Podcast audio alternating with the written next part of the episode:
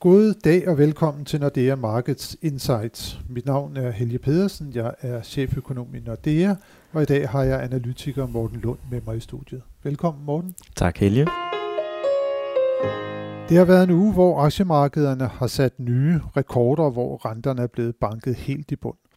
Samtidig har vi fået kendskab til, hvem der skal tegne EU over de kommende fem år, ligesom der er blevet sat navn på, hvem der skal afløse Mario Draghi på posten som chef for den europæiske centralbank. Og det bliver lidt overraskende. Den nuværende direktør for IMF, den internationale valutafond, franske Christine Lagarde, som den 1. november kan sætte sig i hjørnekontoret i ECB's imponerende bygning i Frankfurt. Men Morten, lad os lige vende markedsudviklingen først. Aktier i top, renter i bund. Hvad er det lige, der ligger til grund for denne her fornyede risikoappetit på de finansielle markeder? Ja, der er lidt flere ting i spil her. For det første, så kan man sige, at øh, markedet drog sådan et øh, lettelsens suk efter G20-topmødet i weekenden. Uh, ikke fordi der sådan var de helt store hverken overraskelser på den positive eller negative side, men der var i hvert fald ikke nogen øh, kaniner, som Trump øh, tog op af hatten der.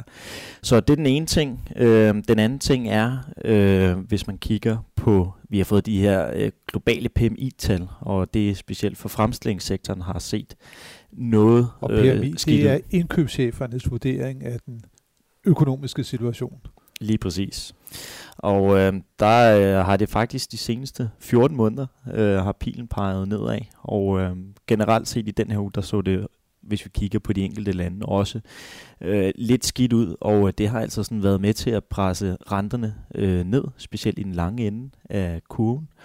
Og øh, så kan man sige, det er jo sådan lidt paradoxalt i forhold til, hvis man så kigger på aktiemarkedet, men øh, at aktierne så rent faktisk stiger, når vi får de her nøgletal. Men øh, der er sådan en, en mærkelig øh, sammenhæng her, hvor at øh, renterne de bliver presset ned af de her sløje nøgletal, men fordi renterne de kommer ned, så er det godt nyt for, for aktiemarkederne. Så øh, sjov sammenhæng. Ja, det er jo sådan lidt paradoxalt, kan man sige, fordi øh, man burde jo egentlig se på det her med, hvis det går dårligt for virksomhederne, så burde det også påvirke aktiekurserne i en negativ retning, men mekanismen den er altså den anden vej rundt, fordi det giver forventninger om, om yderligere pengepolitiske lempelser.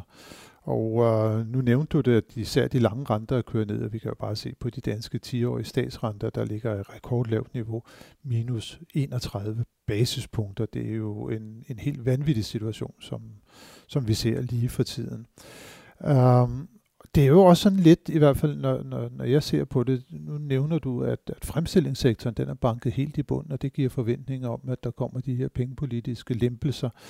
Uh, men ser vi for eksempel på Europa, så går det jo meget godt i servicesektoren. Hvorfor er det egentlig, at investorerne de ser så meget på, hvordan det ser ud i fremstillingssektoren? Fordi servicesektoren er jo i virkeligheden i dag mere afgørende for økonomien. Den tegner sig for en meget større del af bruttoværditilvæksten og også en langt større del af beskæftigelsen. Ja, man kan sige, at øh, PMI-tallene her for fremstillingssektoren, de er måske lidt mere konjunkturfølsomme, øh, så de er måske en lidt bedre indikator for, hvor det samlede billede skal hen. Øh, så det er derfor, at vi sådan set som regel kigger lidt mere på de her øh, fremstillingstal. Øh, men det er jo rigtigt, at servicesektoren er jo i langt, langt de fleste øh, virksomheder som sådan egentlig vigtigere.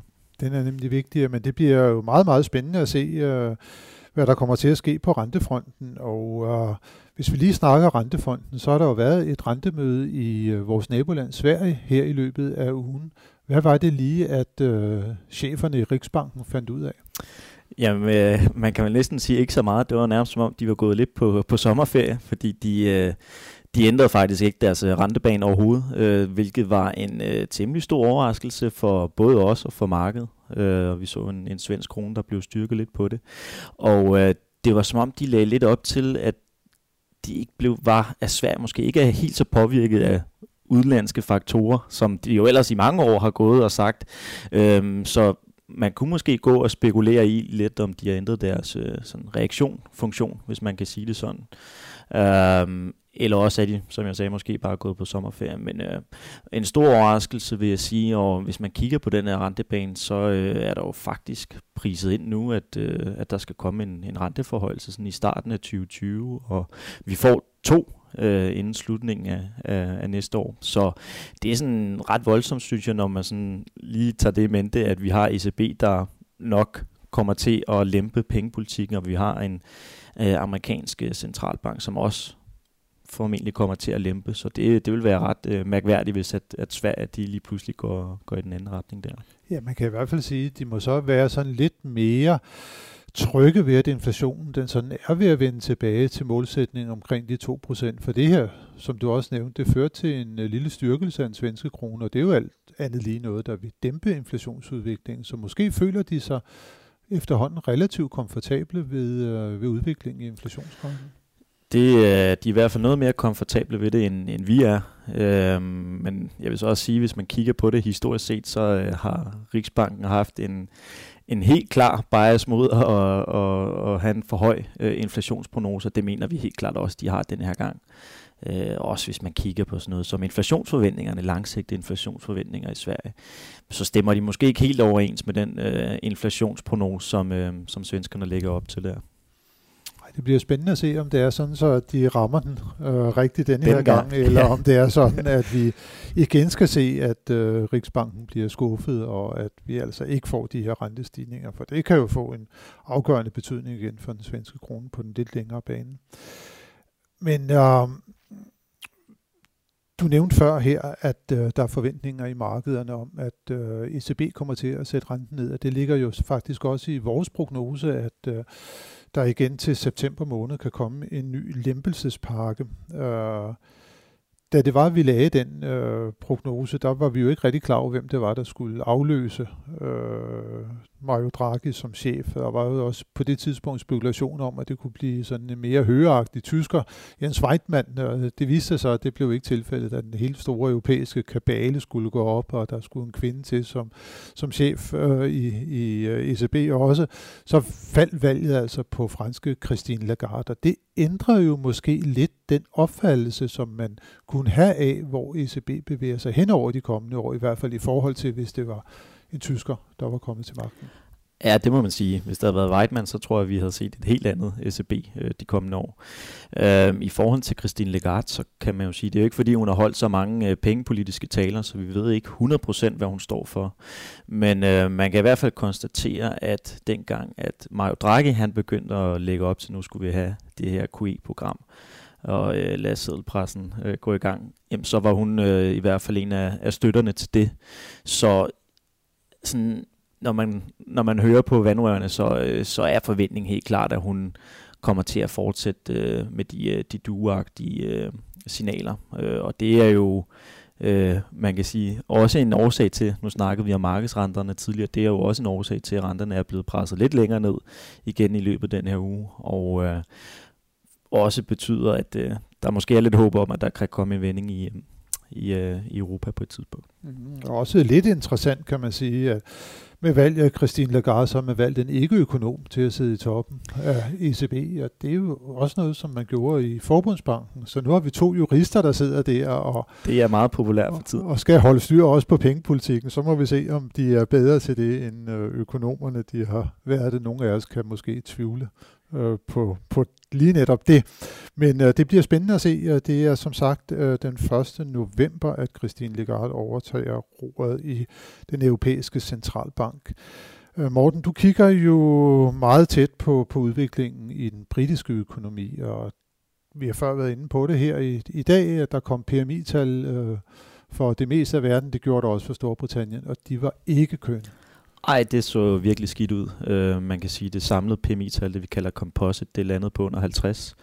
Uh, øh, vi havde et tal for fremstillingssektoren, som vi også har snakket lidt om, der også var rigtig, rigtig skidt. Uh, og for byggesektoren enormt skidt. Altså, jeg tror, det var nede omkring 3-44 stykker. Så uh, der er virkelig nogle problemer i den britiske økonomi, og uh, nu snakker vi om, at PMI-tallene er en god indikator for væksten, og de peger i hvert fald imod, at vi faktisk kan have nulvækst i, i, øh, her i andet kvartal, måske, måske endda. Måske recession? Måske? Ja, i hvert fald, øh, nu kan man sige, recession, det er jo så teknisk set to kvartaler, ikke?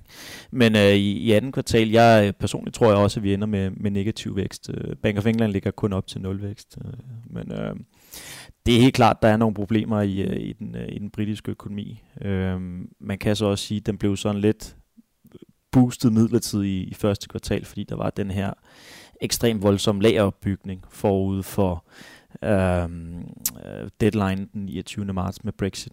Øhm, og de lager skal jo så ligesom vende den anden vej i, i anden kvartal, om man så må sige. Ja, med mindre de skal ligge der til den 29. oktober.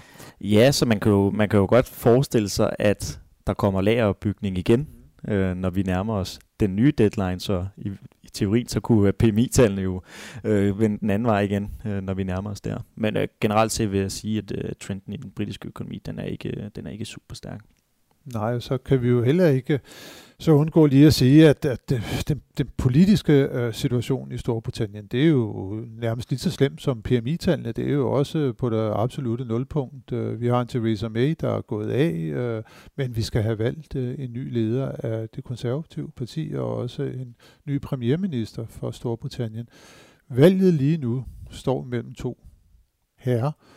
Det er Boris Johnson, og det er Jeremy Hunt, øh, som er udenrigsminister. Øh, jeg så i dag i avisen, at Boris Johnson han begyndte at ræse. Så han fremstår pæn og nydelig, øh, men, men vil det give ham det her yderligere skub fremad? Han, han er jo krise og, og, og skandale ramt øh, på, på, på, på mange områder. Altså. Ja. Ja, det er i hvert fald øh, nye toner. Øh, jeg tror heller ikke, han selv havde regnet med det i sin tid. Jeg kan huske, han kom med et citat om, at øh, der var større chance for at finde øh, Elvis på Mars, end at han blev premierminister. Men øh, det ser altså ud til, at han, han får post nu. Det er, det er alles forventning. Øh, og de meningsmålinger, der har været øh, blandt de her 160.000 konservative partimedlemmer, som er dem, der ligesom skal afgøre det det ligner sådan noget 60-40 procent i favør af Boris Johnson. Så øh, det vil være højst overraskende, hvis, at, øh, hvis det ikke ender med ham. Og jeg tror, at der skal, der skal en eller anden øh, skandal til for at kunne, øh, for at kunne vælte ham, om, om man så må sige. Men jeg vil så også sige, for os, der følger Boris Johnson, så kan man ikke helt, øh, helt udelukke sådan noget. Nej, der kommer en skandale, nej. nej. der, der har jo været adskillige, øh, også for nylig i forholdet til sin meget yngre øh, kæreste. Men øh, når det nu er, at, at vi lige skal, skal, skal vende øh, situationen der, så er det, hvis vi skal sætte nogle datoer på, hvornår er det, at øh, konservative skal have den, den, den, den, den nye leder og den nye premierminister? Det er den øh, 23. juli, der øh, bliver det offentliggjort, hvem der vinder. Øhm, og så går der faktisk øh, to dage, og så går underhuset så på sommerferie øh, og så vender de ikke tilbage før øh, 4. september. Så øh, lige pludselig så, øh, så bliver der altså knap tid før den her 31. oktober øh, deadline, så øh, den person, der nu ender med, med premierministerposten, øh, får i hvert fald en, en meget travl periode øh, om at få overbevist. Ja, først få forhandlet med EU, det har de jo begge to sagt, at de vil prøve at genforhandle aftalen. Um, men så derefter får de jo så travlt med også at overbevise øh, parlamentet om, at øh, de skal stemme en ny deal igennem, hvordan den så end må se ud. Johnson har selv været ude her på det seneste og sige, at han kan ikke rigtig forestille sig, at man forlader EU uden en deal. Nej, øh, det, han har også sagt, det skal at det er 31. Sige. oktober, ja, ja. deal or no deal, men, øh, men er han sådan øh, i virkeligheden måske lidt mere pragmatisk end det her bullerbase Boris, som han ellers giver udtryk for at, at være, når det endelig skal komme til stykket. I min optik er han meget mere øh, pragmatiker, end hvis du for eksempel sammenligner ham med, med Nigel Farage, som jo er en anden øh, Brexiteer. Øh, jeg tror også, at han, når han nu sidder, hvis han får posten, øh, det er altså lidt noget andet, når man er den, der skal træffe beslutninger. Det er lidt nemmere at se det udefra, og så stå og komme med nogle skarpe holdninger men det er klart, at han kommer under pres, hvis han virkelig går efter det her no-deal. Altså øh, både sådan for andre politikere, men også for forskellige departementer fra Finansministeriet, fra Centralbanken, der vil advare ham om, øh, hvilke konsekvenser det vil have. Så jeg tror heller ikke, at det er det, han, øh, han sigter efter. Det er det selvfølgelig heller ikke helt officielt. Øh, og jeg synes også, når man sådan lytter lidt efter sådan øh, på de ting, han har sagt de seneste par uger, så er han måske også bødt en, en lille smule op, øh, og ikke står helt så hårdt på, på det her no deal.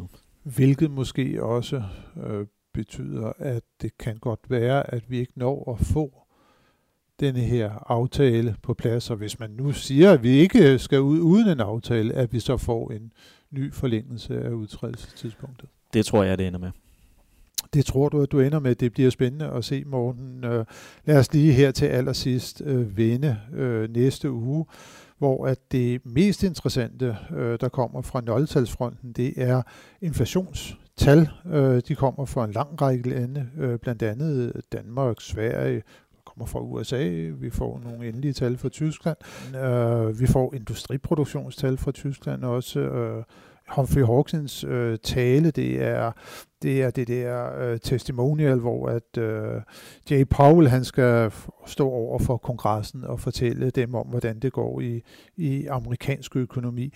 Og Morten, hvis vi lige vender de her tal, så må vi sige, at der, det kan blive ret afgørende, hvad der sker i Norge omkring inflationen, fordi der ligger vi jo noget op til, at øh, vi skal have øh, en, en rentestigning øh, igen Ja, altså vi tror jo, at de her inflationstal, de øh, lander ud på sådan lige underkanten af 2,5 procent. Øh, så det er jo over målsætning, øh, og det har jo gået rigtig godt i, i norsk økonomi i lang tid. Øh, så vi tror på, at de her tal, der kommer i næste uge, det øh, vil være noget, der vil understøtte, at Norges Bank til august kommer ud og sådan lægger op til, at der kommer endnu en renteforhøjelse øh, til, øh, til september. Så afgørende øh, inflationstal fra, fra Norge nu her i næste uge, og så bliver det jo også som sagt spændende lige at se, hvad Paul han har tænkt sig at sige til kongressen, fordi det kan være afgørende for, hvad Fed kommer til at gøre senere på måneden, øh, når der er, er rentemøde. Ja, altså øh, han vil jo nok sådan rimelig tydeligt, øh, tror jeg, skal ud og signalere, øh, om der kommer en, øh, en, en rentenedsættelse. Måske også, altså, fordi hvis man kigger på markedsprisning, så kan man jo sige, der er jo faktisk priset lidt mere end, end, end en enkelt. Nogle går og spekulerer på, at de kan sende ned med 50 basispunkter. Men der tror jeg i hvert fald, at han vil komme ud og, og øh, signalere klart, hvad hans holdning er. Det bliver spændende at se, hvad det øh, er, der er Pauls øh, holdning, men det er som sagt øh, den 10. 11 juli, som øh, vi har Humphrey Hawkins øh, talen. Vi glæder os til næste uge. Tak for nu, Morten, og tak til alle jer, som har lyttet med til denne uges podcast. Det håber vi også, I vil gøre, når vi er tilbage i næste uge med friske analyser og vurderinger af de finansielle markeder. thank you